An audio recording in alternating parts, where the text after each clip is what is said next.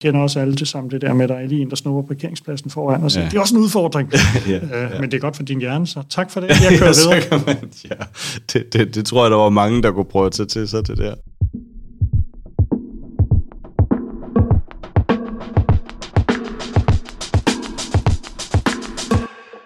Men øh, ellers tænker jeg bare, at vi stille og roligt kaster os ud i det.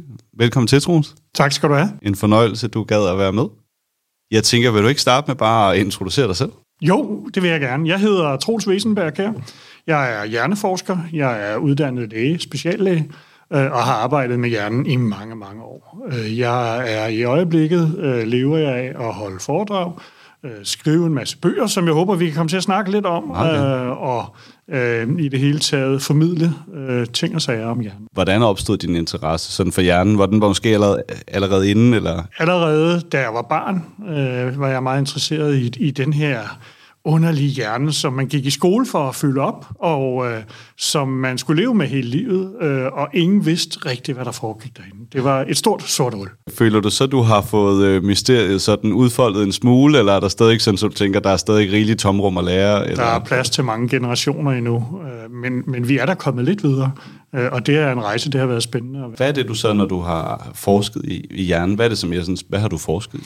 Jamen, det startede allerede, da jeg var medicinstuderende, så der er vi altså tilbage i slut 80'erne, mm. øh, hvor øh, der var et, et problem omkring, når man måler på hjernen, så kan man måle på hjernens øh, blodgennemstrømning, og den ændrer sig, når man er, er aktiv i bestemte områder. Og man kan måle på hjernens sukkerstofskifte, fordi hjernen lever af at spise sukker. Og de passede ikke altid sammen. Øh, så noget af det allerførste, jeg lavede, det var sådan set nogle rotteforsøg, øh, hvor jeg stod ved siden af rotten, øh, mens der var en lidt mere erfaren, der stak ting og sager ind i hjernen på rotten. Og min opgave var at stå med en elektrisk tandbørste og børste knorhårene for at aktivere hjernen. Det var sådan min okay. allerførste opgave i hjerneforskning. Direkte i felten. Direkte i felten. Det lyder som en, en sjov måde at starte på. Det var i hvert fald øh, det, man lige kunne bruge mig til. Ja.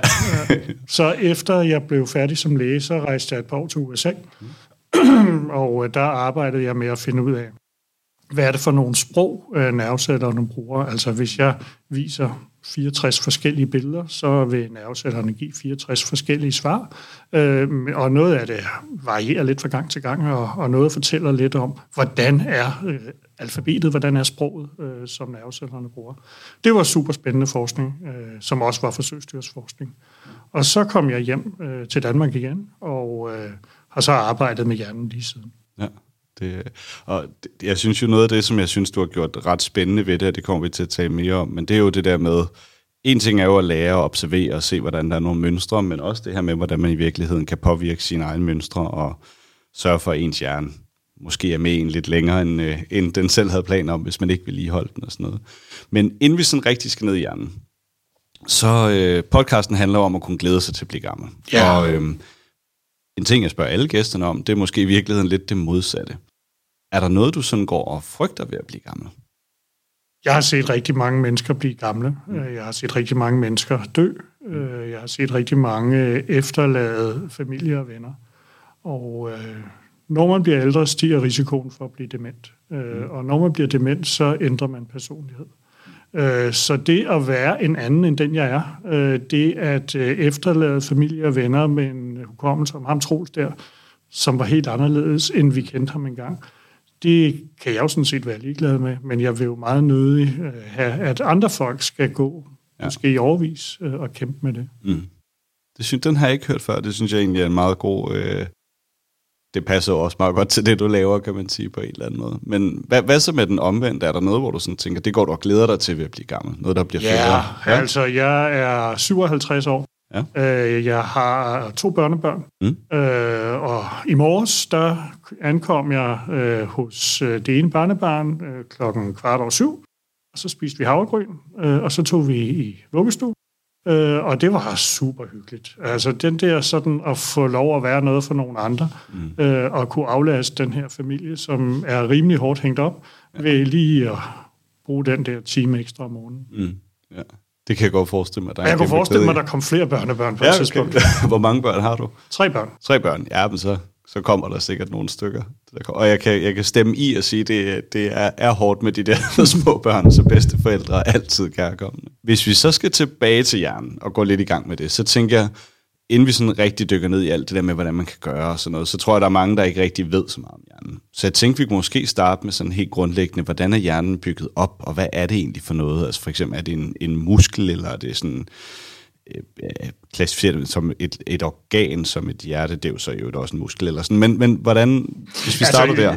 Hjernen er et organ, ja. øh, og hjernen er placeret inde i hjernekassen. Øh, I hjernekassen har vi 1,6 liter hulrum, øh, og i det hulrum, der ligger 1,4 liter hjerne. Så øh, hjernen ligger og svømmer rundt i noget væske, øh, og det beskytter hjernen, øh, det renser hjernen, øh, og det er samtidig en buffer. Hvis nu hjernen bliver større eller mindre, så bliver den enten, øh, når den bliver større, så forsvinder der lidt væske, og hvis den bliver mindre, jamen, så kommer der mere væske. Øh, den her hjerne øh, består af en stor hjerne, en lille hjerne, og lad os kalde det hjernestammen, som går ned til rygmarven.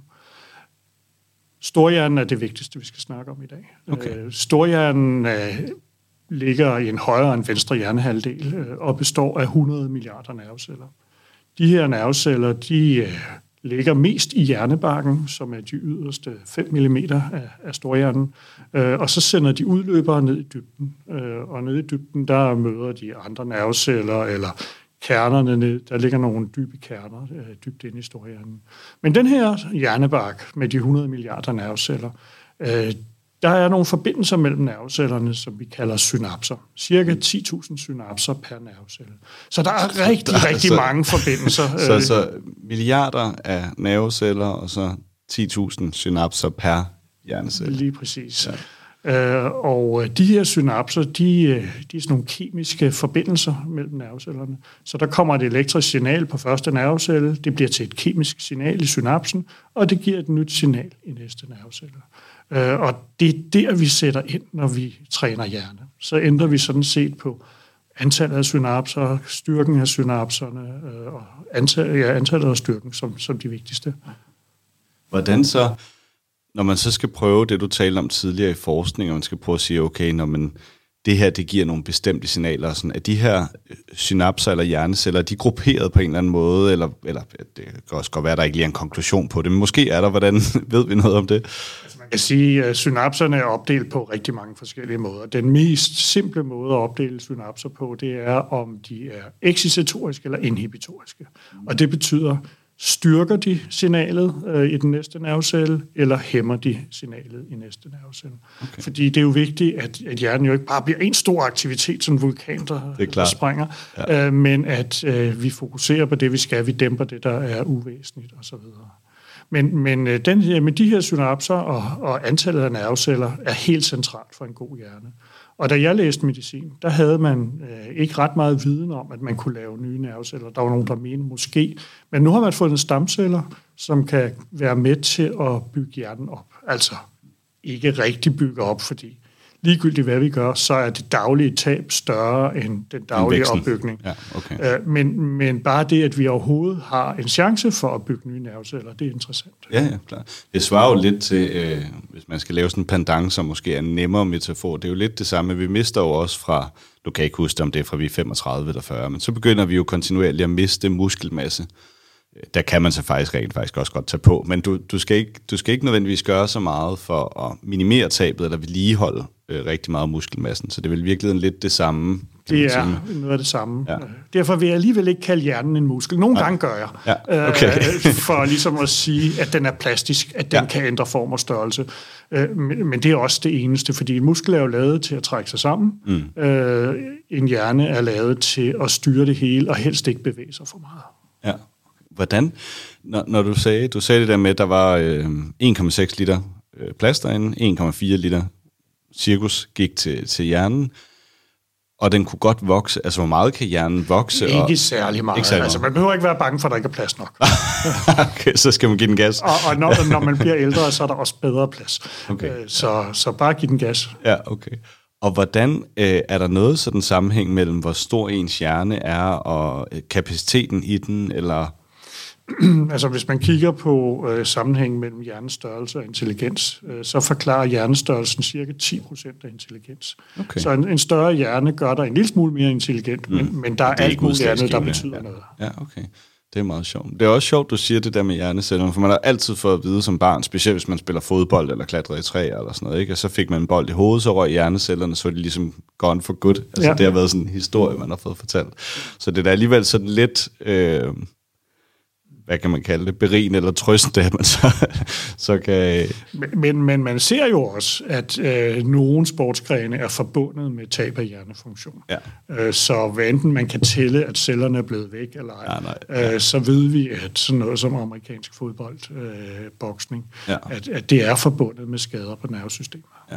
Ja, der er vel også, er der ikke sådan en vis sammenhæng, nu talte du bare selv om demens, altså, er der ikke også en vis sammenhæng mellem det der tab af, af hjerneceller, i hvert fald ved de der traumer, eller ved boksning, eller ved amerikansk fodbold, at det også kan give en øget risiko for demens, eller Alzheimer's, eller nogle af de der? Det er der rigtig meget, der tyder på. Hvordan ser hjernen ud, som den plejer der, eller er der nogle af forbindelserne? Har man lavet nogle studier af det? Eller? Man ved meget om det. Altså, hvis vi snakker om demens, mm. så er det jo tab af tankefunktioner, hukommelse osv., øh, som leder i en sygdom.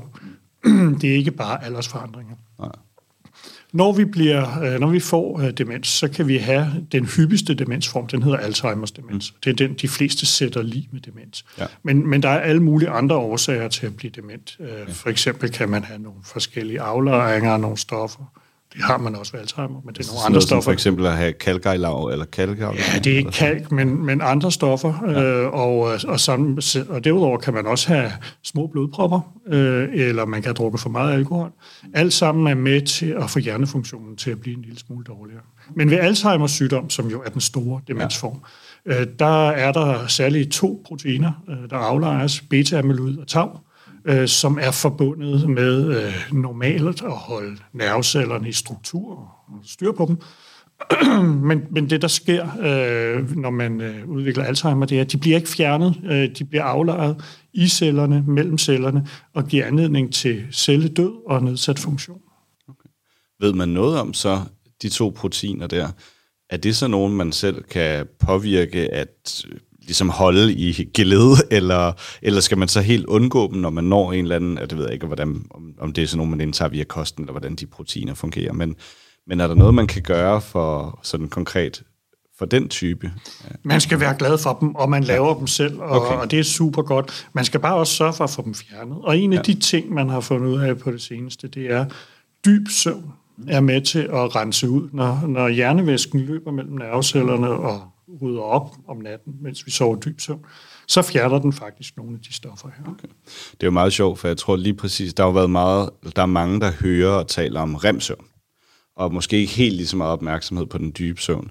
Og det, der var lidt sjovt ved den, det er jo, at den kan jo faktisk være ret svær at få, hvis du går for sent i seng. Altså, den, den følger en lidt anden cyklus, og det er de, de første timer, du sover og sådan noget. Der er et helt afsnit om søvn, som ikke er lavet endnu, men, men nu har jeg jo læst lidt om det. Men det er jo meget sjovt, det der. Det er jo den, så, så det siger du, det er noget af det, hvor man virkelig kan... Og nu snakker du om tiden i løbet af natten. Ja. Der er altså også tiden i livet. Jo ældre man bliver, jo sværere har man ved at få den dybe søvn.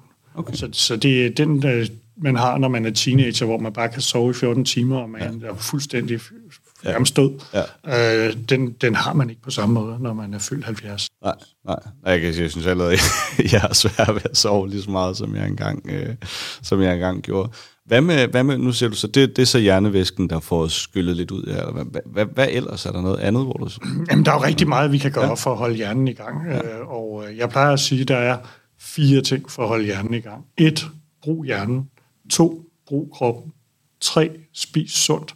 Og fire, så for at holde pauser. Det er den dybe søvn, men det er også det her med ikke bare at køre derudad, men simpelthen tage et break og sige, nu går jeg en tur, eller jeg sætter mig lige ud ved kaffemaskinen og kigger ind i væggen i fem minutter, fordi det har jeg brug for. Ja, så en bevidst pause, kan man sige. Ikke? Hvad med, og er der, noget, er der noget, der er mere gavnligt end andet der? Man kunne kombinere det med motionen og gå en tur, eller, eller er det bare at prøve ligesom at... Altså, vi har hele tiden vidst, at øh, folk, der har brugt, bruger hjernen meget igennem livet, de er bedre rustet, øh, når de bliver ældre. Altså, så det at have været udfordret i sin hjerne, det er en fordel øh, for at udskyde tidspunktet til demens. Det kan ikke kurere demens, nej, nej, men, men det, det kan være en god ting. Så brug hjernen er super, super vigtigt. Og som noget af det øh, lidt nyere, øh, hvor man har haft meget fokus på fysisk aktivitet, at øh, fysisk aktivitet er også med til at styrke hjernen. Øh, der bliver frigivet en hel masse stoffer, når vi løber og svømmer og så videre, øh, som får hjernen til at komme i bedre form. Hvad med, når du siger, at man skal øh, træ, eller bruge hjernen, træne hjernen? Nu sidder vi to her, for eksempel. Altså, jeg tænker, min hjerne, den kører rimelig meget, for jeg skal prøve lige at huske, hvad jeg skal spørge om, eller sådan. Men, men hvordan, altså, hvad skal der til, og handler det om, fordi øh, lad os nu sige, at det her det var min podcast nummer 500, så er det måske meget rutinepræget for mig. Bruger jeg så stadig hjernen tilstrækkeligt der til det træning? Nej, eller det, er jo, det er jo ikke lige så godt. Nej, altså, nej. Det er jo sådan, at øh, man skal helst ud af komfortzonen. Mm. Øh, men det her med de her nerveceller og synapser, det sammenligner jeg nogle gange med stier i hjernen. Altså en sti, hvor vi går fra A til B ind i hjernen. Og det, når du har lavet 500 podcasts, så bliver det sådan en hovedvej. Mm. Så ved du, hvad det er, der skal til. Ja. Og så er det, jeg vil sige til dig, hey, nu laver vi den lige lidt om. Ja. Nu, øh, nu blokerer vi hovedvejen, og nu skal du finde en ny måde at gøre ja. det her på. Ja. Det kan være, at vi to bytter plads, eller ja, ja, ja. Øh, vi går ud og laver podcasten øh, ude i trafikken, eller et eller andet. Mm. Jeg har også læst lidt om lidt i den forbindelse, at det kunne også være sådan noget med for eksempel, og, fordi hjernen har jo for vane at tage det nemme valg, og det den kender, og er hovedvejen, ikke? At øh, en del af det kan også bare være sådan noget, hvis man nu, øh, nu skal jeg ned og aflevere mine børn hver dag, jeg tager den samme vej, hver dag.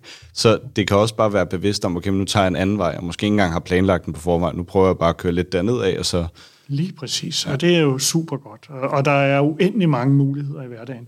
Det behøver ikke være så svært. Nej. Øh, altså, tage en anden vej på arbejde, eller ned med børnene, som du selv nævner, eller øh, tale med nogen i bussen, eller øh, lære et fremmedsprog, eller der er næsten alt, hvad vi gør, kan vi gøre på den sædvanlige måde, eller på en ny måde. Og hvordan er der nogle ting, der ikke er kendetegnet af det der? Altså for eksempel sådan en ting, som man, øh, hvis man googler, at man skal, ud over man støder på nogle af dine bøger, men ellers så hvis man googler det med at træne sin hjerne, så kommer der tit sådan noget frem med sudoku og kryds og tværs. Og jeg tror, det er i hvert fald noget, der er mange ældre, der har taget til sig. Jeg ved ikke, om det er for at træne hjernen, eller fordi de bare elsker sudoku og kryds og tværs. Altså er der sådan nogle ting, hvor man siger, at det her det har måske en eller anden sådan særlig indvirkning, eller er det det samme, der gælder, når sudokuen er blevet en hovedvej, så Ja, altså man må nok sige, at øh, det er klart, at et simpelt budskab, det kan folk godt lide. Øh, og øh, det simple budskab, at Sudoku er godt, eller nogen siger at spille bridge er godt, eller mm. nogen siger at bordtennis er godt, jamen det er jo fint nok, øh, men det er bare ikke fyldskørende. Jeg vil heller ikke sige, at mine bøger øh, gør det fuldt ud. Mm-hmm. Overhovedet ikke. Men, men det kan måske være med til at, at lære folk principperne, mm. som er, kom ud af din komfortzone. Mm. Sørg for at blive lidt udfordret. Øh, det er det, der holder os stærke. Lær et nyt spil. Eller? Lær et nyt spil, eller øh, ja, altså gør noget, gør noget helt andet. Hvis du altid sidder foran tv, hvad så med at gå i teateret? Eller sådan noget, som man kan sige, det minder lidt om, men det er alligevel så anderledes, at hjernen bliver nødt til at forholde sig til noget nyt. Så det i virkeligheden, det kan også være, øh, hvad skal vi kalde det, det er jo nærmest sådan en øh, slags øh, nydelsesting, så sådan et spagophold for hjernen, det er også, det er i virkeligheden også godt nok, eller hvad man kan Helt sige sikkert, ja. ja. Okay. Og for det er jo meget sjovt, for jeg tror, når man har et billede af det, så kan man jo godt komme til at sende pandangen op til at være i styrkecenteret, og så skal man, det kan man også godt nyde, men så skal du virkelig yde noget for at få væksten i muskelmasse, eller hvad man kan sige. Ikke? Hvor her der lyder det jo faktisk til, at du kan lave nogle ting, der er ganske fornøjeligt. Og, Helt sikkert, og det, ja. og det hænger jo meget sammen med, hvilken personlighed man er. Ikke? Nogle de har det jo godt med at gøre det samme, ja. øh, så det, for dem kan det være lidt øh, ja. ude af komfortzonen. Selvfølgelig. Øh, men for nogle af os andre, så er det bare sjovt, der sker noget. Ja, ja. Hvad så det, øh, hvis vi skal gå lidt tilbage til nogle af, af, af bøgerne, vi kan... Hvad, hvad vil du sige, hvad er nogle af grundprincipperne i dem, man så lærer? Hvad vil du fremhæve der som noget af det, hvor du tænker, det der, det er Jamen, det der er vigtigt, det er, at øh, du skal træne hver dag. Du skal udfordre dig selv, øh, og øh, der er rigtig mange ting, vi kan gøre, som man selv sidder med. Du nævner sudoku, krydsord og sådan noget. Øh, men noget af det, der giver allermest, det er den sociale interaktion. Så, så hvis jeg skal sige noget, så kom ud blandt nogle andre mennesker. Øh, lad være med at tage det nemme valg. Jeg bliver hjemme i dag. Hvis der er åbent nede i pensionistklubben eller idrætscenteret, eller hvad ved jeg, så kom der ned øh, og, og tag den op. Hvad tænker du så egentlig om, øh, det kan jeg ikke være med at spørge om i sammenhæng, og det var egentlig ikke planlagt, men hvis det er en af de vigtigste ting, og der er jo rigtig meget af sociallivet, der sådan er flyttet over i, skal vi kalde det, digitale platforme eller sådan noget. Giver det det samme? Øh, og, eller og ved man noget om det? Og, og ellers er det så, vi skal have, så skal vi virkelig have varpet teenagerne ud og snakke med hinanden, eller hvordan? Ja, vi ved ikke så meget om det. Altså, der er lavet en del studier, hvor man har prøvet at kigge på, øh, er teknologi skadeligt? Mm. Øh, altså øh, skærmbrug. Mm. Øh, og, og skærmbrug er nok ikke i sig selv skadeligt, men lige præcis det, du kommer ind på, det er det, man mister, ja. øh, når man sidder foran skærmen. Så selvom det måske ikke er skadeligt at sidde foran skærmen, men når man har gjort det i fem timer, så har man ikke været ude og spille fodbold med de andre, eller nede og besøge pensions, pensionistcentret, eller hvad det nu er, man ellers ville have gjort. Så, øh, så det er jo lidt en, en tidsluger, øh, mm. og det sagde man jo også om tv for 50 ja, år siden. Ja, ja Uh, men det var så tilpas kedeligt, uh, så, ja. så uh, det blev ikke så slemt. Nej. Uh, de her sociale medier og brug af net i det hele taget, er jo super intelligent. Det sørger mm. for hele tiden at holde dig fanget og mærker, når du er ved at miste koncentration og hiver mm. dig tilbage igen. Mm. Øh, og, og så kommer det til at få en pris. Mm. Så du tænker, det, det er den der, sådan, hvad skal vi kalde den, den alternative, om, altså omkostning vi ikke have gjort alternativ. Alternative omkostninger, som ja. en økonom vil sige. Ja, præcis, det er det. Ja. Jeg vil prøve at undgå at bruge for mange økonomiske termer her i, i podcasten. Det, det, det hører de så mange andre steder. Okay, cool. Det synes jeg er meget spændende, også fordi altså, man har jo hørt, der er jo mange ting, hvor det sociale livet, det kan påvirke en, men, øh, men jeg havde faktisk aldrig selv tænkt det som en hjernetræning. Men et eller andet sted giver det jo meget god mening, specielt hvis du er i nye sociale relationer, så kan du næsten være sikker på, at du bliver spurgt om et eller andet, hvor du måske ikke havde forberedt dig. Jo, jo, og når du kommer hjem bagefter, jeg er helt træt, jeg har snakket med en masse mennesker i dag, mm. den kender vi jo alle sammen. Mm. Hvad enten man er indadvendt eller udadvendt, så, så kan det være hårdt øh, at få have mange sociale relationer, men også gavnligt. Hvad med, øh, hvad er det sådan, når, når ens hjerne så begynder at fungere dårligere? Altså, udover du sagde, at der kommer mere plads, så jeg tænker, at den bliver lidt mindre. Hvad er det ellers, der sådan kendetegner det? Det kommer an på, hvilke områder. Altså, vi hjernen har jo, hjernebarken har forskellige områder, som har forskellige funktioner, og nogle gange taler vi om netværk og så videre. Øh, men øh, hvis man for eksempel har Alzheimer's sygdom, så er det jo specielt det, vi kalder, nu bruger jeg et frækt ord, frontotemporalt. Øh, så det er specielt pandelappen og tændinglappen, øh, der bliver påvirket. Øh, og når det sker, jamen tændinglappen, det er jo sådan noget med at hukommelse for eksempel, mm. genkende ansigter og så videre.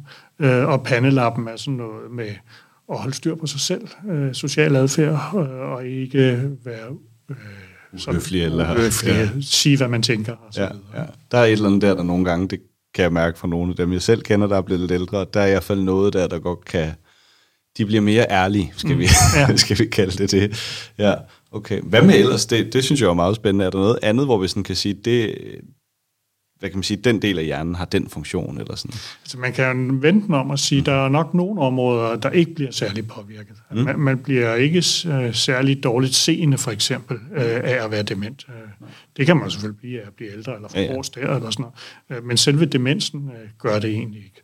Uh, så, så ja, der er nogle ting, der er meget mere påvirket end andre, uh, og, og det er jo selvfølgelig der, man med fordel kan sætte mest ind. Nu ved jeg også, at du har også lavet en del sådan om, hvordan man kan træne sin hjerne til noget lidt mere specifikt. Nu nævnte du selv lige hukommelse. Øh, jeg tænker måske, jeg ved faktisk ikke, om det er det samme, man bruger til dem, og du sagde også, at en god ting kunne være at lære et nyt sprog. Dem kan jeg jo godt forestille mig, at min hukommelse, det med at lære et nyt sprog, at de ikke er bedste venner altid. hvad, hvad, har du nogen gode råd til det? Hvis man nu øh, sagde, nu okay, så nu er det nu, jeg lærer spansk, eller...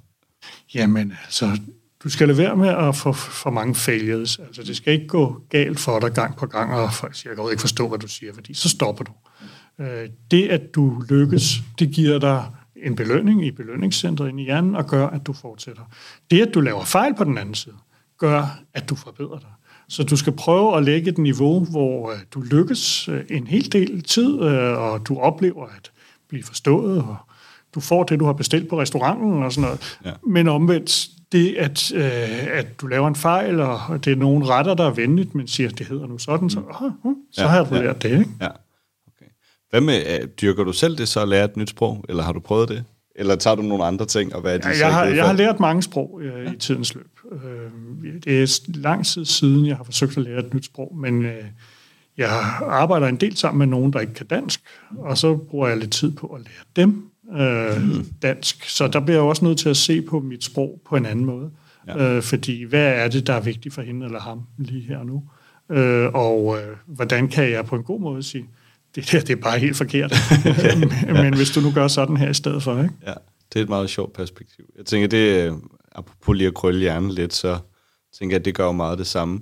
Har du, har du sådan en bestemt ramme for, hvor du siger, jamen altså, jeg træner min hjerne 10 minutter om dagen, sådan her, hvor det sådan er, eller er det mere, at du, du bare øh, prøver at minde dig selv om, hov, tag nu lige den nye vej, eller hvordan fungerer det? Jamen, det er meget, øh, når det passer. Ja. Øh, jeg er, ikke på den måde tidstyran. Øh, det betyder ikke noget for mig, at det lige foregår klokken 8 og klokken 18, ja, ja. eller noget i den stil. Øh, men øh, det, det er altid sjovt at, at prøve at gøre det på en anden måde. Og nu da jeg skulle herind, der kom jeg et kvarter før, og så finder jeg lige et sted, hvor jeg lige kan sidde for mig selv og... Prøve at memorere, hvordan ser husene omkring mig ud, eller øh, hvor mange mennesker mødte jeg egentlig på vej herhen rundt om den byggeplads, der er lige ude foran. Altså sådan nogle lidt skæve ting, øh, som lige tvinger min hjerne ud. Nå, nå, nå, det havde jeg egentlig ikke tænkt på. Det var det, jeg skulle spørge mig selv om. Nej, øh, nej. Men så kommer det. Det er sjovt, fordi og der er sikkert ikke rigtig nogen sammenhæng ud over den, jeg ser, men det lyder jo også lidt som sådan lidt en barnlig hjerne på en god måde. Altså, men at det er jo sådan noget, altså, som jeg tænker, børn egentlig gør meget naturligt. Ja, men det kan du sige. Ja. Øh, og øh, nogen siger, at man går i barndom, når man bliver ældre. Mm. Øh, men, men det er virkelig ikke så, øh, så skadeligt. Nej, nej, altså, det, jeg det, tænker, det, det er en god... Altså, som det, der kan være, det er jo netop, som vi har snakket om før, hvis det kritiske filter forsvinder, mm. eller øh, man begynder at opføre sig på en måde, som man kunne forvente af en toårig, men ikke af en 82-årig, ja. øh, så, så kan det være mindre hensigtsmæssigt. Kender man noget til sådan en sammenhæng mellem, øh, at, at hjernen sådan begynder, jeg ved ikke om degenerere er det forkerte ord, men du, du ved, hvad jeg mener, og så øh, altså, øh, andre sygdomme, systemsygdomme eller livsstilssygdomme eller sådan noget? Er der, kender man noget til nogen sammenhæng der? Ja, der er, der er en, en sammenhæng mellem en række forskellige sygdomme øh, og øh, demens. Øh, så der er for eksempel øh, sukkersyge er forbundet med risiko for demens, øh, søvnproblemer, øh, øh, hvis man ikke får sovet ordentligt eller bliver vækket meget, øh, en række stofskiftesygdomme, vitaminmangelsygdomme, øh, immunsygdomme. Så der er rigtig mange forskellige sygdomme, der, der som en eller anden, kan vi, vi kan ikke kalde det en bivirkning, men, men som en, en følgevirkning af det her, også har demens. Okay. Og hvad med, hvad med den, øh, den anden vej, eller hvad man kan sige? Det kan der også, er der også nogle gange en sammenhæng der, eller det, det kan også være, man ikke ved det? Ja, altså, så er det det her med hønnen og ægget. Ja. Øh, hvad, hvad er det, der giver ja. hvad? Ja. Øh, jeg tror, vi skal bare fokusere på, at de ses tit sammen, ja. og at en anden ting. Man er ikke dement, bare fordi man er gammel. Nej, øh, det nej. er en sygdom, ja. øh, som, som skyldes nogle sygelige processer i hjernen. Ja. ja. Og det er jo også, har, har man, hvor længe har man vidst, eller hvor længe har man kunnet se det synlige i hjernen? Øh, vi er tilbage til Alzheimers tid. Øh, Alzheimer, han øh, var en øh, neurolog, der interesserede sig, eller han var vist egentlig psykiater, men, her snakker vi 1800 og okay. ja, sidst i 1800-tallet. Og der begyndte man simpelthen at kunne se det? Der øh, begyndte man at se, når man skar hjerner op, øh, at der var nogle aflejringer, som man ikke så på de raske hjerner. Det er alligevel vildt. Det har man været, øh, eller man har jo nok været lige så langt frem, som alle mulige andre var på det tidspunkt, men for mig er det ret vildt. Det, det virker som på en eller anden måde sådan noget, jeg havde forventet måske var i 60'erne, eller ja, ja. sådan et eller andet, ikke?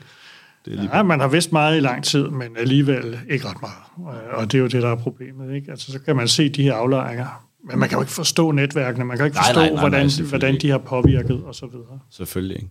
Og hvor, hvor, hvor langt er vi med at forstå de her netværk i dag? Altså, ikke så langt. Hvad, hvad vil hvis du skulle fremhæve noget, hvor du tænker, det her, det forstår vi egentlig sådan relativt godt, eller nok til vi tør. Er der noget, hvor du tænker sådan... Noget af det, der er nemmest at forstå for en hjerneforsker, øh, det er områder, der er tæt på input eller output.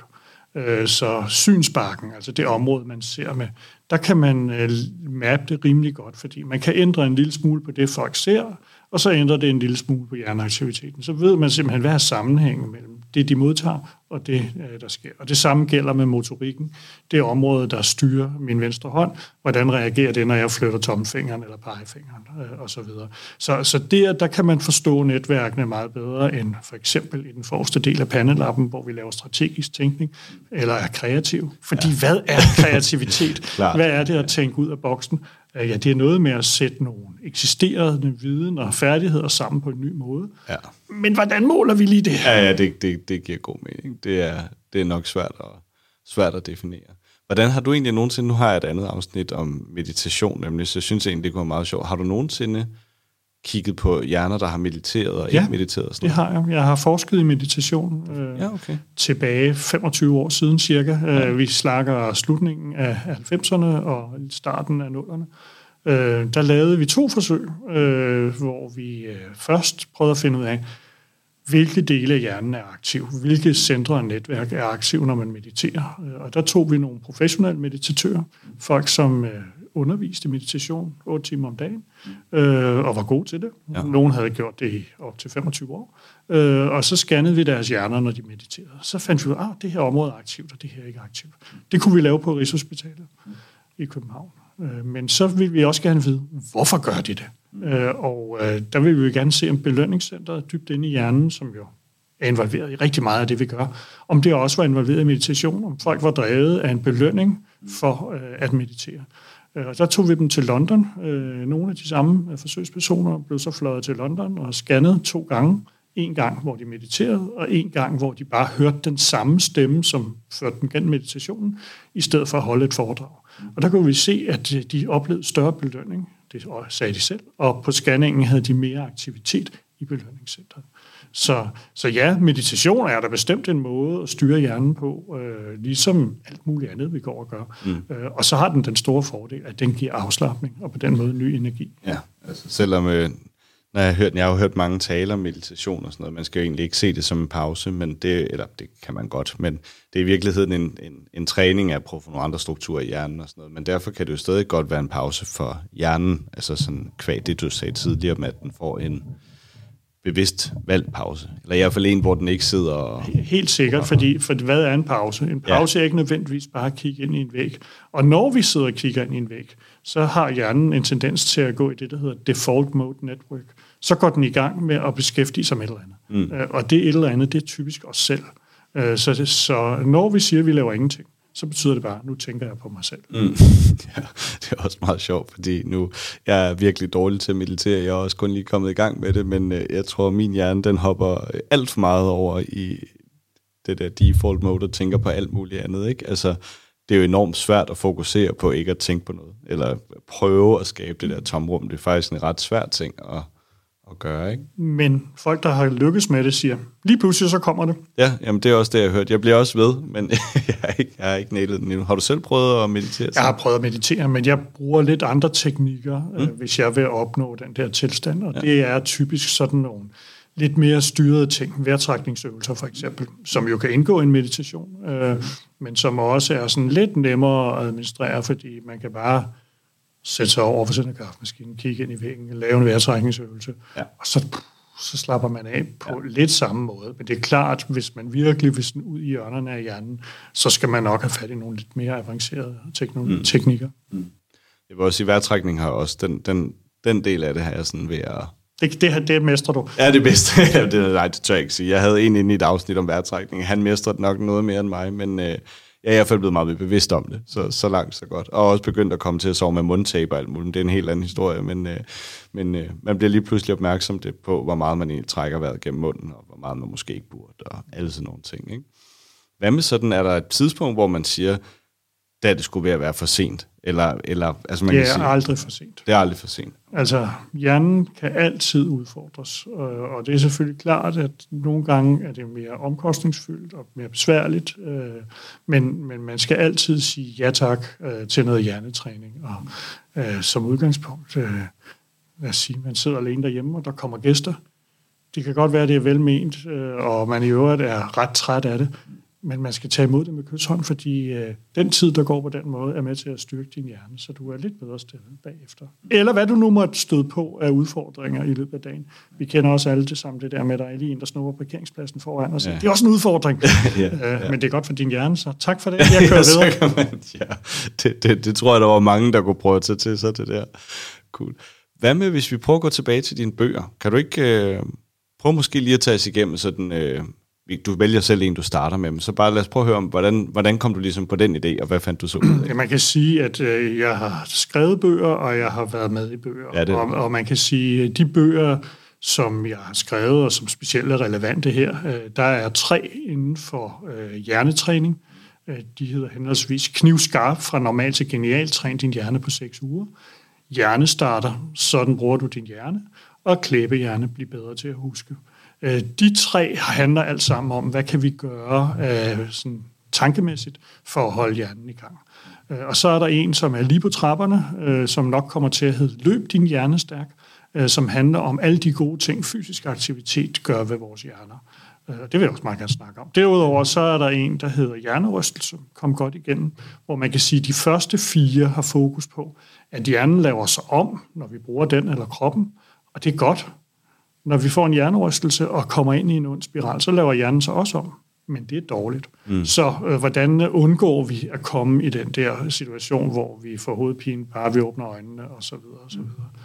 Mm. Øh, og så har jeg så skrevet en hel del øh, i, i bøger, der handler om sådan lidt mere specielt hjernen og meditation, hjernen og tro. Hvad er det, øh, hvad er det vores hjerne gør ved os, når vi beder sammen, eller... Øh, hvad vejer sjælen, og sådan nogle lidt mere sådan utrærede ting. Men, men hvis vi nu fokuserer på de fire første... Øh, så, Selvom det andet nu blev så spændende.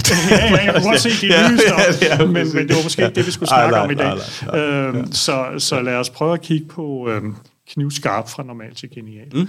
Øh, der havde jeg skuespilleren Michael Birkær øh, som øh, forsøgsperson. Øh, som alle andre, så har, havde han nogle ting, han var god til og nogle han var mindre god til. Øh, og noget af det, han ikke er så god til, det er sådan noget med tal og talspændvidde og regnstykker og sådan noget. Øh, så det var noget af det, vi så prøvede at træne på. Øh, så en ting var, at vi fandt ud af, hvor er de sorte huller. Det er jo ikke fysisk sorte huller, men, men funktioner, der ikke er helt gode. Øh, og så lavede jeg træningsbaner til ham. Så skulle han så et par gange om dagen træne en hel masse og hovedregning og forsøge at øh, holde mellemregningerne i hovedet og alt det der. Øhm, og så målte vi ham, fordi så skulle vi så have ham til eksamen. Ikke det samme, fordi at, at træne sudoku og blive bedre til sudoku, det er lidt uinteressant. Mm. Men, men noget mere sådan hukommelse og øh, symbolbearbejdning. Øh, og det gjorde vi hos en neuropsykolog. En neuropsykolog er en, der lever af at sætte tal på hjernen, altså for hvor, hvor godt den fungerer. Øh, og der havde vi ham så fem gange i forløbet, før vi startede, efter to uger, efter fire uger og efter de seks uger. Og så selvfølgelig efter et stykke tid for at se, at det her er en blivende effekt. Ja, ja, klart. Fordi det er jo lidt interessant. Ja. Øh, og det vi kunne se, det var, at der var en meget hurtig effekt. Altså bare mm. det, at øh, han gik i gang med at træne, kunne vi se efter 14 dage. Og endnu mere efter et par uger og et par uger til. Øh, og så kunne vi se, at han, der var ligesom to områder, han trænede. Mm. Øh, den her omkring tallene og hukommelse og sådan noget. Og så en omkring opmærksomhed. Og opmærksomhed synes jeg faktisk var sjovt. Det blev han sådan rimelig god til. Øh, og det fortsatte med at blive bedre, øh, selv efter han var stoppet træning. Han havde taget det til sig. Han havde integreret ja. det i, i sit liv øh, mens det der med tallene, det havde han stadigvæk. Øh, og, så det var et nødvendigt onde i, i prøveperioden? Ja, så, det må man sige, og, og den faldt stort set tilbage, øh, okay. hvor den startede. Så, så man kan træne sin hjerne, øh, man skal gøre lidt for at holde det ved lige, men, mm. men hvis man først bliver fænget af det, så er det super godt. Så vi plejer at sige, så har man automatiseret den handling. Man gør det bare. Ja. Men så er den jo så også blevet til en stor sti inde i hjernen. Og så er det, man skal huske at ja, så skal man, lidt, så skal ja, man ud og gå på, på nabostierne også. Ja. Og hvad når du siger opmærksomhed, bare for, hvad, altså er det sådan, øh, at man fokuserer på noget, eller at man er opmærksom på detaljer, eller hvad menes der med? På det tidspunkt var Michael rigtig meget på det kongelige teater. Mm. Øh, så vi fik nogle telefonnumre til nogle af hans venner og bekendte. Øh, Sofie Kroppel var en af dem. Øh, og øh, så øh, ringede vi til hende og sagde, i morgen, så når du møder Michael, så fortæller du ham lige en historie om... Øh, hvad du har lavet i weekenden, og hvad du skal, sådan 5-10 minutter. Øh, og når du så er færdig, så forhører du ham lige. Øh, og det var, havde han været opmærksom. Ja. Også om han havde husket det, ja. men hører han overhovedet efter, hvad der ja. foregik øh, ja. omkring ham. Øh, og det, han havde prøvet det et par gange, så indså han, okay, Ja. Det, det er altså ikke sjovt. ja. Øh, jeg er nødt til at høre efter, ja. hvad folk omkring mig fortæller. Han sagde også, at børnene de tit sagde et eller andet til ham, mm. og, og så spurgte han bagefter, om hvornår, øh, ja, ja. det har jeg jo lige fortalt dig far. Ja. Øh, okay, så, så det her med at, at være socialt opmærksom, kan man mm. sige, mm. Øh, man kan jo være opmærksom på rigtig mange måder. Ja. Øh, også ved at køre bil, eller øh, løse øh, Finn Højger. Mm. Og, og, og det er jo ikke den måde, vi, øh, vi havde meget fokus på, men det var faktisk en del af det, vi gjorde, det var, at vi havde sådan nogle mønstre, forestil dig en hel masse eller, og så er der et T, øh, find den, der er anderledes, ikke? så sidder man og leder, og der var et T. Ikke? Det var også noget af det, vi trænede, men det var ikke det vigtige. Mm. Det er sjovt, den der med social opmærksomhed er også meget, den tror jeg, den vil de fleste nok også synes er ret sympatisk. Altså jeg kan allerede med det samme sige, at en jeg kender, der i hvert fald er markant bedre til det end mig, det er Morten, min partner. Ja. Og det har jeg bemærket rigtig meget. Altså han er sådan en, der er sindssygt dygtig til både at huske, men også være opmærksom på de der detaljer. Jeg har også anerkendt ham for det, fordi jeg synes virkelig, sådan, det er beundringsværdigt. Ikke? Ja. Men det er sådan en kompetence, som jeg tror, mange egentlig godt kunne se en idé i at træne, fordi ja. man vil jo gerne, man vil jo gerne være sådan. Men din partner er jo også inden for, for salg, ikke? Altså, Jo, jo. Han, han har tidligere været salg, det øh, og, og det tænker jeg, yes, øh, det er jo super vigtigt. Hvis ikke du kan læse din kunde, eller din måske kunde, så går det slet ikke. Jamen, det er rigtigt. Det er rigtigt. Han er så god til også at translatere det heldigvis til vores medarbejdere og sådan noget. Ikke? Så han er, han er typen, der kan huske, hvis medarbejderens kat fik killinger for to uger siden, så at spørge, om hvordan gik det så med kuldet? Eller du ved, sådan den der slags ting. Øh, eller hvis, der, hvis han bager boller, så har han jo nærmest øh, separat pålæg med til hver, fordi han kan huske, Nå, de ja, der er noget med, du ikke er til. Ja, ja, præcis. Hvor det, altså det, jeg kan ikke engang huske, hvad jeg selv for, foretrækker lige, hvad de der ting angår. Så det synes jeg var mega, øh, mega spændende. Hvordan så? Fordi det er jo så næste ting. Nu sagde du, det rent faktisk godt kunne, kunne lade, eller man rykkede sig allerede efter to uger, og forløbet var seks uger. Øhm, ved man, ved man, du, noget om, altså er det samme, altså topper effekten ligesom så der, eller kan man, kan man så øh, fortsætte og forvente samme sådan output, eller Nej, altså man kan jo ikke blive øh, Ja, man kan totalt. Nej, vel? nej, nej, Der er selvfølgelig et, et loft øh, på et eller andet tidspunkt. Øh, men, øh, men bare det sådan lige at komme ud og skubbe til nogle ting, det kan give rigtig meget øh, i begyndelsen. Og det er jo det, vi har set, når vi har lavet de her forsøg. Det er, at folk er- kan faktisk ændre sig rimelig meget, øh, hvis motivationen er der, og de bruger tiden på det. Øh, men men øh, selvfølgelig kan du ikke blive en ny Einstein bare Nej, ved nej. at træne din hjerne, øh, men, men du kan måske øh, blive bedre til nogle af de ting, du gerne vil. Det er jo også meget sjovt, for jeg forestiller mig, hvis man gerne vil undgå motorvejen og træne det her, så kan man vel i virkeligheden også godt, øh, hvad kan man sige, skifte sit fokus i træningen, sådan lidt fortløbende, ikke? Sådan man siger, okay, nu tager jeg seks uger med social opmærksomhed, hvis vi skal kalde den det, så tager jeg seks uger med øh, træls ligninger, og så er sådan... Øh, Lige øh, præcis, det er, det er en super god øh, tilgang, du har til det. Du ja. starter med at sige, jeg skal ud af komfortzonen. Jeg har rigtig mange fejl, og jeg kan næsten ikke holde ud og gøre det, fordi øh, jeg bliver ikke motiveret af alle mine fejl. Men så bliver der færre og færre fejl, og jeg får større og større oplevelse af, at det her det er nemt. Når det er så blevet meget nemt, mm. så er det ikke det, du skal fortsætte med. Så skal du finde på noget nyt. Det er meget spændende. Det er også, og så må ikke, hvis jeg kender mig selv ret, når jeg så er noget igennem, jeg ved ikke, tre-fire af de der opmærksomhedspunkter, så vil det nok være fint og gavnligt, så er jeg nok tilbage og har lidt knas med, med det første igen. Øh, specielt også, jeg har jo set nogle af dem der, som man kalder det jo sådan noget fotografisk hukommelse, altså nogle ting, og det er måske noget helt andet, men jeg synes jo, det er dybt fascinerende at se, hvor gode nogen er til at huske. Altså jeg var for eksempel på eksperimentariet med min, mine børn, og så var der sådan en, en skærm med alle mulige billeder på. Og så først er det sådan et eller andet med, okay, men du skal huske fem af de der ting. Nå, okay, nemt nok. De slukker så, og så skal du vælge fem af dem, der var der. Og så går det op, og vi nåede så op på 21, tror jeg, eller sådan noget. Men så stod der jo dagens rekord, og det kan selvfølgelig være, at de har snydt, men det var jo så sådan noget 44, eller sådan noget, hvor jeg tænkte sådan, okay, altså, mit hoved var helt, altså helt, helt, øh, helt overvældet. Øhm, så det synes jeg bare, det er meget, det er, sådan, det er imponerende. Men der er meget stor forskel på, hvad, hvad folk er gode til, og hvad de ikke er gode til. Ja. Så jeg tror som det skal nok passe, at der er nogen, der har klaret det så godt. Ja. Øhm, hvad kan man ellers sådan træne? For nu har vi meget taget sådan det metal, eller hukommelse, eller social opmærksomhed. Eller sådan. Hvad var ellers nogle af de ting, som du tænker, man kan overføre det her til? Stort set alt. Altså, ja, du kan okay. træne øh, stort set alt, øh, hvor hjernen er involveret. Øh, Det kan også være noget med motorik, eller rumretningsfornemmelse, eller evnen til at tegne eller synge. Eller, altså, det er jo alt sammen i virkeligheden hjernetræning. Det er jo spændende sådan noget med, nu siger du selv for eksempel motorik, fordi det tænker man, det er jo klart, det er jo styret af hjernen, men man kan ikke lade være med at tænke, at det er en, en, en fysisk ting. Øh, Man kan sige lige netop, motorikken er lidt anderledes end mange af de andre, fordi øh, når vi snakker øh, motorik, så er der øh, ret mange af de kerner, der ligger dybt inde i hjernen, og rigtig meget lille hjerne, der er involveret. Hvor noget af det, vi hidtil har snakket om, det har været barken i storhjernen. Mm. Men alligevel, så er det jo en ændring af nerveceller, og en mm. ændring af netværk, og den måde, nervecellerne hænger sammen på.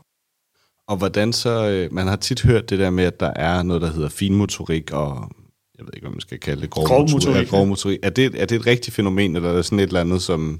Ja, det er jo sådan et, øh, et praktisk fænomen, øh, som øh, afspejler forskellige netværk og forskellige ja, okay. modningstidspunkter hos børn og sådan noget, så derfor giver det god mening øh, at snakke om det. Øh, jeg ved ikke lige, hvor grænsen går, nej, nej. hvornår det er fin motorik, men altså sådan noget med hænderne, det er fin motorik, og sådan noget med at gå og stå, det er Ja, løber, ja, ja, okay. Det var bare, det kunne sagtens have været sådan et eller andet, du ved, øh, efter opfundet, eller jeg ved ikke, hvad man skal kalde sådan noget. Men sådan er der jo rigtig meget i, i hjernevidenskaben, der er, at du ser noget, og så klassificerer du det, og så finder du ud af, at den klassifikation holder ikke alligevel, og så slår du det sammen, eller deler det igen, eller et eller andet. Det er jo sådan, videnskaben tit arbejder. Det var måske sådan key points, eller sådan det, man kan tage med hjem fra den første bog. Og så, øh, så ved jeg ikke, hvad fint du selv gerne vil hoppe videre til derfra. Hvad tænker du er den næste, hvor du tænker, der er lige Man siger, ja. at i, i nummer to, altså ja. hvor Knivskarp var den første af de mm. her øh, hjernetræningsbøger, så er øh, den næste øh, hjernestarter. Øh, mm. Den har et andet fokus øh, fordi Knivskarp havde fokus på, hey, det her, det kan godt lade sig gøre, og hvordan går det med Michael, øh, når han gør det. Øh, og så var der nogle opgaver, nogle træningsbaner. Øh, men, men det, som, øh, øh Knivs, som øh, øh, hjernestarter havde fokus på, øh, det var i stedet for, hvad er det for en værktøjskasse, du skal bruge?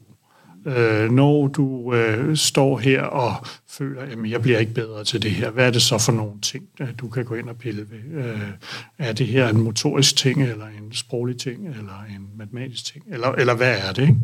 Øh, så det var sådan meget en redskabsbog, og den er også blevet super populær, og folk kan godt lide den her med, at de bliver sådan lidt... Øh, der, der er noget, de kan bruge til noget. Ja.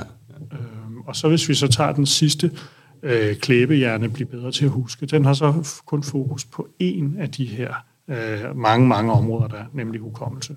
Øh, og hvor den så til gengæld har en masse øh, hukommelsesregler, altså man kan bygge hukommelsespaladser. Øh, hvis du skal huske kroppens anatomi, så kan du placere forskellige knogler rundt omkring i dit barndomshjem, og når du så går rundt, så åh, her er min gode gamle humerus, det er overarmen, ikke? overarmsknoglen. Og den starter her og slutter her, og den har de her muskler bundet til sig, og så videre, og så videre.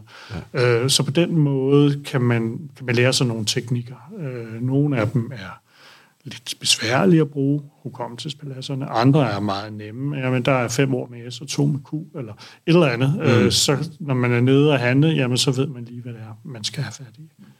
Øh, så, så på den måde er de sådan en naturlig følge af hinanden, ja. øh, de tre bøger. Hvad hvis vi tager nummer to, så der i hvad skal vi, redskabskassen, eller hvad vi skal kalde den? Er der nogle af de redskaber, hvor du tænker, det her det er sådan et eller andet konkret, hvor du siger, de her tre redskaber, det er måske nogle af dem, jeg vil fremhæve, eller sådan? Tror jeg ikke. Øh, altså det, der jo er vigtigt, øh, det er, at vi, øh, at vi bliver lidt bevidste om, hvad det er, vi laver, at vi gør det sammen med andre, øh, og at vi sørger for at blive udfordret. Øh, så, så det tænker jeg, det er nok øh, beskeden øh, i den bog. Øh, ja. men, men det, den jo også fokuserer på, det er, hvad er det, du ikke kan træne? Øh, fordi ja. man skal ikke tro, man kan træne alt. Hvis man har et dovent øje, ja, ja. Øh, så øh, ser det ikke noget. Og hvis man er to år gammel eller fire år gammel, så kan man dække det gode til og træne det dogne øje. Er man 84 år gammel, kan der ikke gøres noget ved det. Ja, okay. Øh, så lad være med det. Men vi har dog lavet et forsøg, hvor vi fjernede grå stær hos nogle folk, som jo ikke så så meget, fordi linsen var blevet grå. Og der kunne vi se, at der var dele af hjernen, der voksede bagefter. No. Så, så det er aldrig for sent. Nej, det er sjovt. Det er alligevel sjovt. At, øh, men øh, i øvrigt ret fascinerende, man kan det, hvis man har et dovent øje som barn også. Altså, at man så kan... Det, det kan man, øh, og, og det er fordi, at den her plasticitet, som vi snakker om, den kommer i forskellige varianter. Øh, og en af dem, det hedder udviklingsplasticitet. Den har man typisk, når man er helt lille og skal have tilknytning til far og mor, lære at gå og stå, tale sit modersmål, øh, se og så videre. Øh, de her ting, de kræver, at man har et overskud af synapser. Øh, og øh, så er der to andre, dem kan vi vende tilbage til, men det er den øh, indlæringsplasticiteten og den kompensatoriske plasticitet. Men, men kigger vi på, hvordan udviklingsplasticiteten øh, fungerer, så kan vi sige, at øh, når vi er det her lille barn, der er i stand til og lærer en hel masse. Man, kan, man siger ordene en gang, og bum, bum, Ja, så, så er de der. der bare, ja. Øh, det, så er det fordi, at øh, kroppen har prioriteret det. Hjernen er meget dyr at drive. At drive. Den koster 20 procent af vores stofskifte, selvom den vejer 2 procent. øh, så, så det er, din og min hjerne øh, er dyre for kroppen. Men det er fordi, der er en fordel ved dem. Men hos børn, der er de 30 procent af stofskiftet, der går til hjernen. Og det er fordi, man har, at kroppen har valgt at lave for mange synapser. Så der er nogle, altså de her kemiske forbindelser mellem nervecellerne, der er nogen, der ikke bliver brugt. Men de står lige klar til, ja. der kommer et nyt ord, eller et nyt trin, mm. eller et eller andet. Øh, og øh, det er derfor, at, at børn, de suger til sig. Det er derfor, vi kan træne det her dognøje. Det er derfor, vi kan sige, at, at øh, udviklingsplasticiteten er noget helt særligt.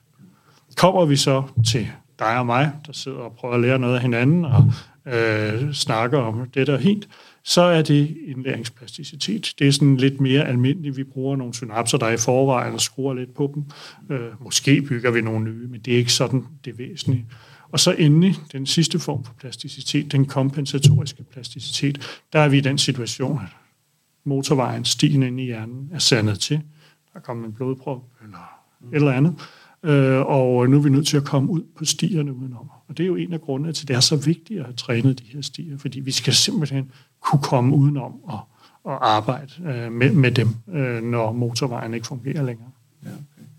Hvordan så? Fordi det, det vil jeg jo med det samme ting. Er der nogen, der har forsket i, om den der udviklingsplasticitet, kan man genskabe den eller imitere den, når man så er blevet lidt ældre? Eller? Ja, det lyder virkelig spændende. Jeg ved ikke, om der er nogen, der er lykkedes med det, men, men det er klart øh, noget, man vil arbejde på.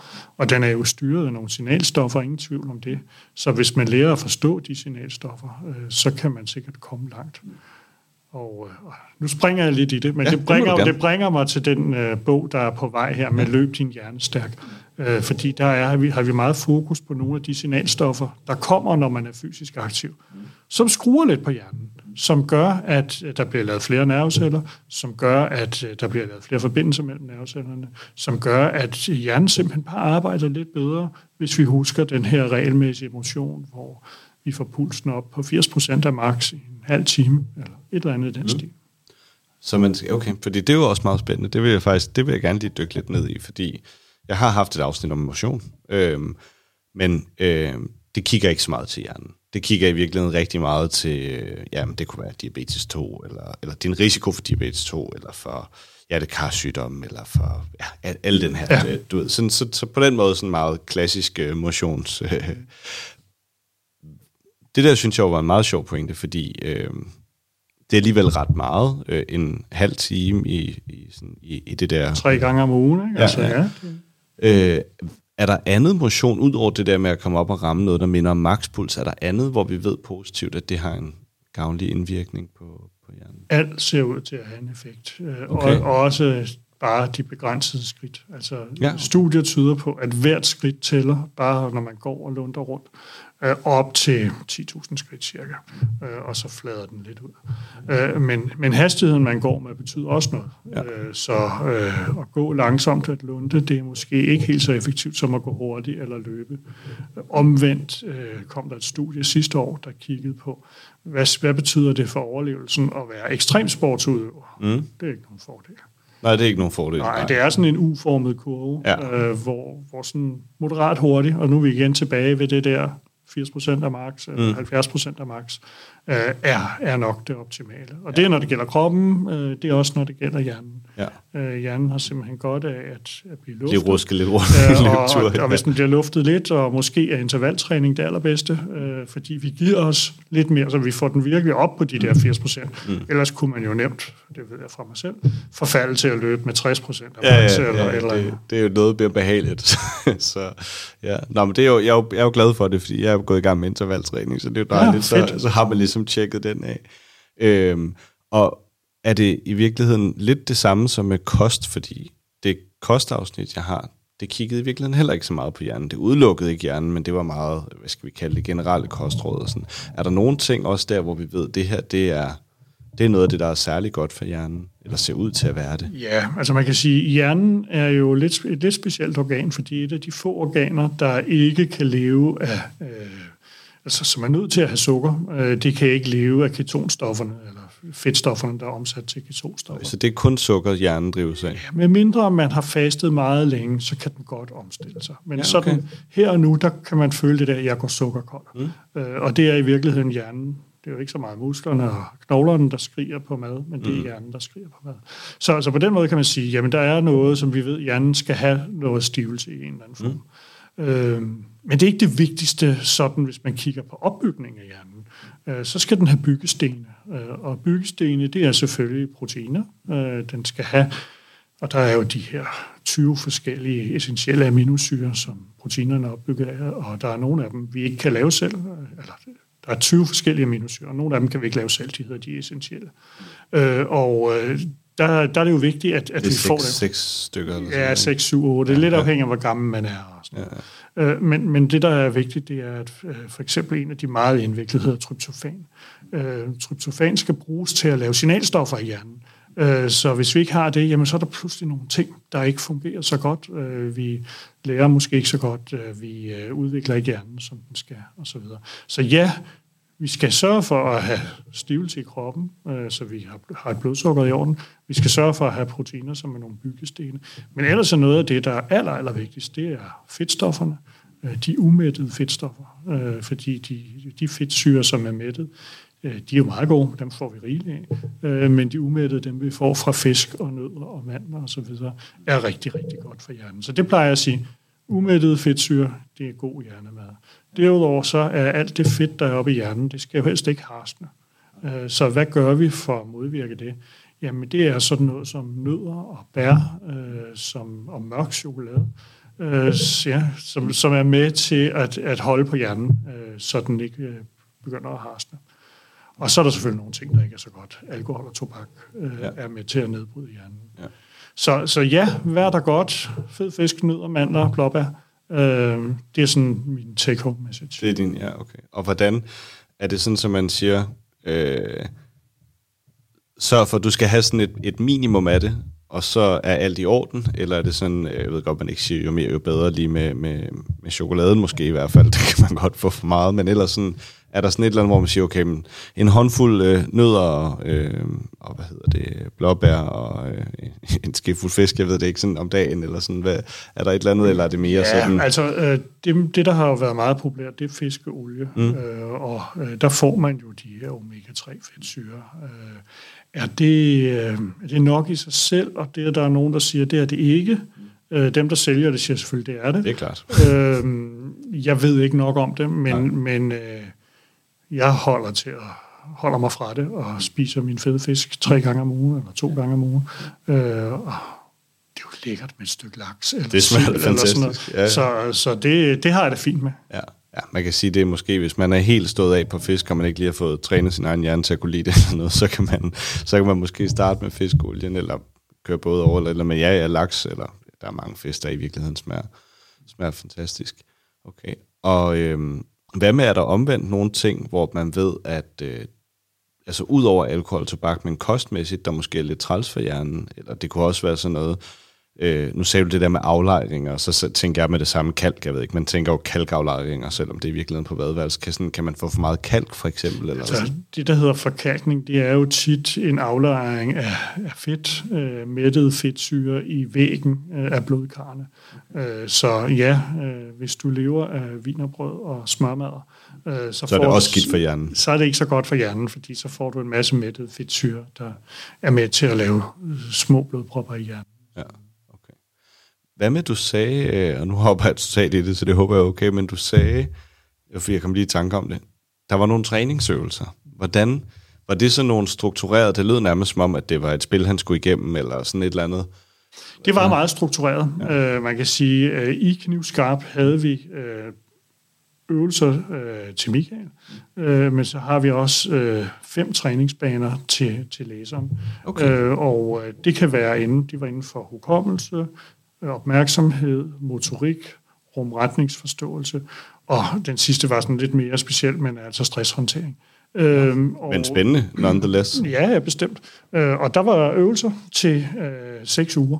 Øh, så morgen og aften i seks uger kunne man fokusere på en eller flere af de her ting. Man kan også sige, at nu bruger jeg seks uger på hukommelsen. Mm. Og så tager jeg rumretningen øh, ja, i seks uger. om seks uger senere. Ikke? Ja, okay. Nå. Du bliver nødt til, fordi jeg ved godt, det ikke var det, vi helt skulle tale om, men du så selv, jeg lyste lidt op.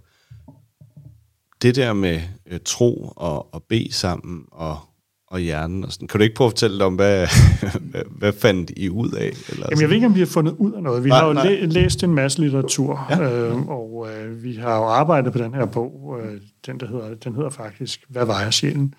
Mm. Øh, I hvert fald som arbejdstitel. Har I fundet ud af, hvad sjælen vejer så? Ja, der er lavet studier af det, ja. øh, hvor, der, hvor man har haft øh, folk... Øh, lidt gamle studier. Øh, jeg ved ikke, om de er etisk korrekte i dag, men man tog nogle folk på et plejehjem, der var ved at dø, og så kørte man dem op på en væg, mens de døde. Øh, og så kiggede man simpelthen på, hvad sker der, når de udånder. Øh, og på den måde, så kunne man måle på nogle af de her forsøgspersoner, kan man vel kalde dem, hvor meget vægttabet var i forbindelse med dødens indtræden. Og derudaf, der kom svaret 21 gram. Og det er derfor, man tager det der 21 gram. Og hvordan, og det kan også godt være, at du ikke ved det, men fik man ligesom øh, udelukket eller sådan korrigeret for et væsketab, eller et, jeg ved det ikke. Nej, det var et, et af de store problemer. Ja. Det, det var, at ja, så så man, at, øh, at der var et, et fald hos mennesker. Det kunne være væsketabet. Øh, de var jo varmere end omgivelserne. Mm. Så når man så kiggede, så lavede de her så også et forsøg på hunde, øh, og sagde, hunde, de har ikke nogen sjæl, fordi der var ikke noget vægttab. Ja. Men hunde sveder også på en anden måde. De ja. sveder ved tungen, og når ja. de ikke trækker vejret, så sveder de ikke. Ja. Øh, så deres fald i kropstemperatur er et helt ja. andet. Ja. Så, så jeg vil sige, det er jo ikke fordi, jeg har noget som helst budskab nej, nej, nej, om, hvad sjælen vejer. Jeg bruger det som symbol på, at yes. øh, vi har en, øh, en hjernevidenskab mm.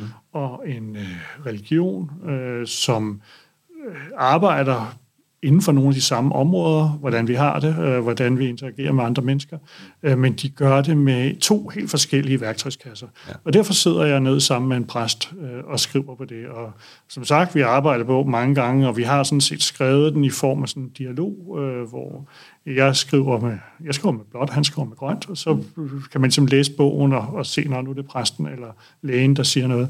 Øh, men, men alligevel, den form blev lidt tung, den blev sådan lidt, øh, så havde vi bare sådan nogle lange dialoger, måske mm. nogle gange nærmest monologer. Øh, så nu er vi ved at skrive den helt om øh, på okay. sådan et, et nyt koncept, øh, hvor vi er lidt mere fokuseret og lidt mere dilemmapræget. Altså, hvad, hvad kan dilemmaerne være? Øh, er kærlighed altid godt? Øh, er kærlighed til Gud det samme som kærlighed til mennesker, og hvorfor ikke? Øh, og sådan nogle ting. Okay. Det lyder vildt spændende. Det lyder vildt spændende. Er der nogle ting, sådan, som I, hvad kan man sige, i, i samhørighed der sådan er kommet frem til, som du synes, det er måske sådan en ting, som er en af de ting, du vil fremhæve, eller flere af de ting, du vil fremhæve? Det er forbløffende, hvor, øh, hvordan øh, to øh, verdener, som på papiret er så forskellige, alligevel har nogle fælles basale opfattelser af mennesket og menneskelivet. Øh, så det synes jeg, det, det er meget bekræftende, øh, at, øh, at selvom vi har hver vores øh, dragt på, vi har hver vores hat på, øh, vi øh, arbejder på forskellige måder med menneskene, jamen så arbejder vi med de samme mennesker, øh, som øh, vi sad, og da vi sidst vi havde mødet, så, så blev vi enige om, jamen øh, vi i sundhedsvidenskaben, vi kan jo tage folk til et eller andet sted. Mm og så tager præsten over, øh, når det er den sidste time eller sidste dag og så videre. Øh, så vi er nødt til at tale det samme sprog. Øh, vi er ikke modsætninger, vi er forlængelser af hinanden ved død og fødsel og øh, sorg og glæde og så videre. Ja. Det er også meget sjovt, for det tror jeg i virkeligheden har sådan lidt været en... Sådan, sådan, sådan har jeg i hvert fald også altid oplevet det, ikke? At der var øh, videnskaben eller religion. Altså, at der har ikke været... Som dog kalder sig religionsvidenskab. ja, okay. Færd, færd. Det, men, men, men det synes jeg bare, det er jo meget sjovt. Jeg synes, det, det, det bliver da en sjov vinkel. Hvornår har I, er I nået så langt, at I tør sige noget om, hvornår... Nej, det tør vi ikke. Vi har, øh, vi har skrevet i under hele corona, tror jeg. Øh, så blev vores redaktør fyret, og okay. øh, så skulle vi vente på en ny redaktør. Og så, så det går helt stille og roligt. Vi har begge to alt muligt andet at se til. Jeg vil sige, at løbebogen har haft fuld prioritet, øh, mens øh, trosbogen, det er sådan et hyggeprojekt. Det er et hyggeprojekt, ja. Hvad er egentlig, når du er ude og holde foredrag? Hvad er så det, hvor du... Hvad er sådan dit mest populære foredrag, eller hvad er nogle af pointerne i det? Hvis du har sådan en... Det er jo Jamen, de, engang de helt allermest populære, det er jo hold din hjerne skarp. Ja. Øh, så med hjernetræning øh, og øh, med, med løb. Så øh, hjernetræning og fysisk træning er meget, meget populært, og det er der rigtig mange, der gerne vil høre om. Og det er alle folk. Det er jo øh, ældre, øh, som der er jo mange af øh, til sådan noget. Øh, det er jo også typisk de ældre, der går til, til foredrag.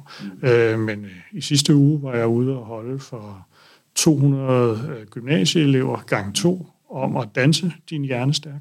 Ja. øh, hvor jeg kunne få lov at sætte det i et perspektiv, og så var der så en professionel danser, der tog dem igennem Ah, alt det ja, okay. der. Og de var jo super glade bagefter. Om det var mit foredrag, det tvivler jeg på, men, men de fik noget med, øh, sådan faktuel viden, og trænede de stier, der har med hjernevidenskab at gøre, øh, samtidig med, at øh, de simpelthen blev bedre til at danse og havde det sjovt sammen.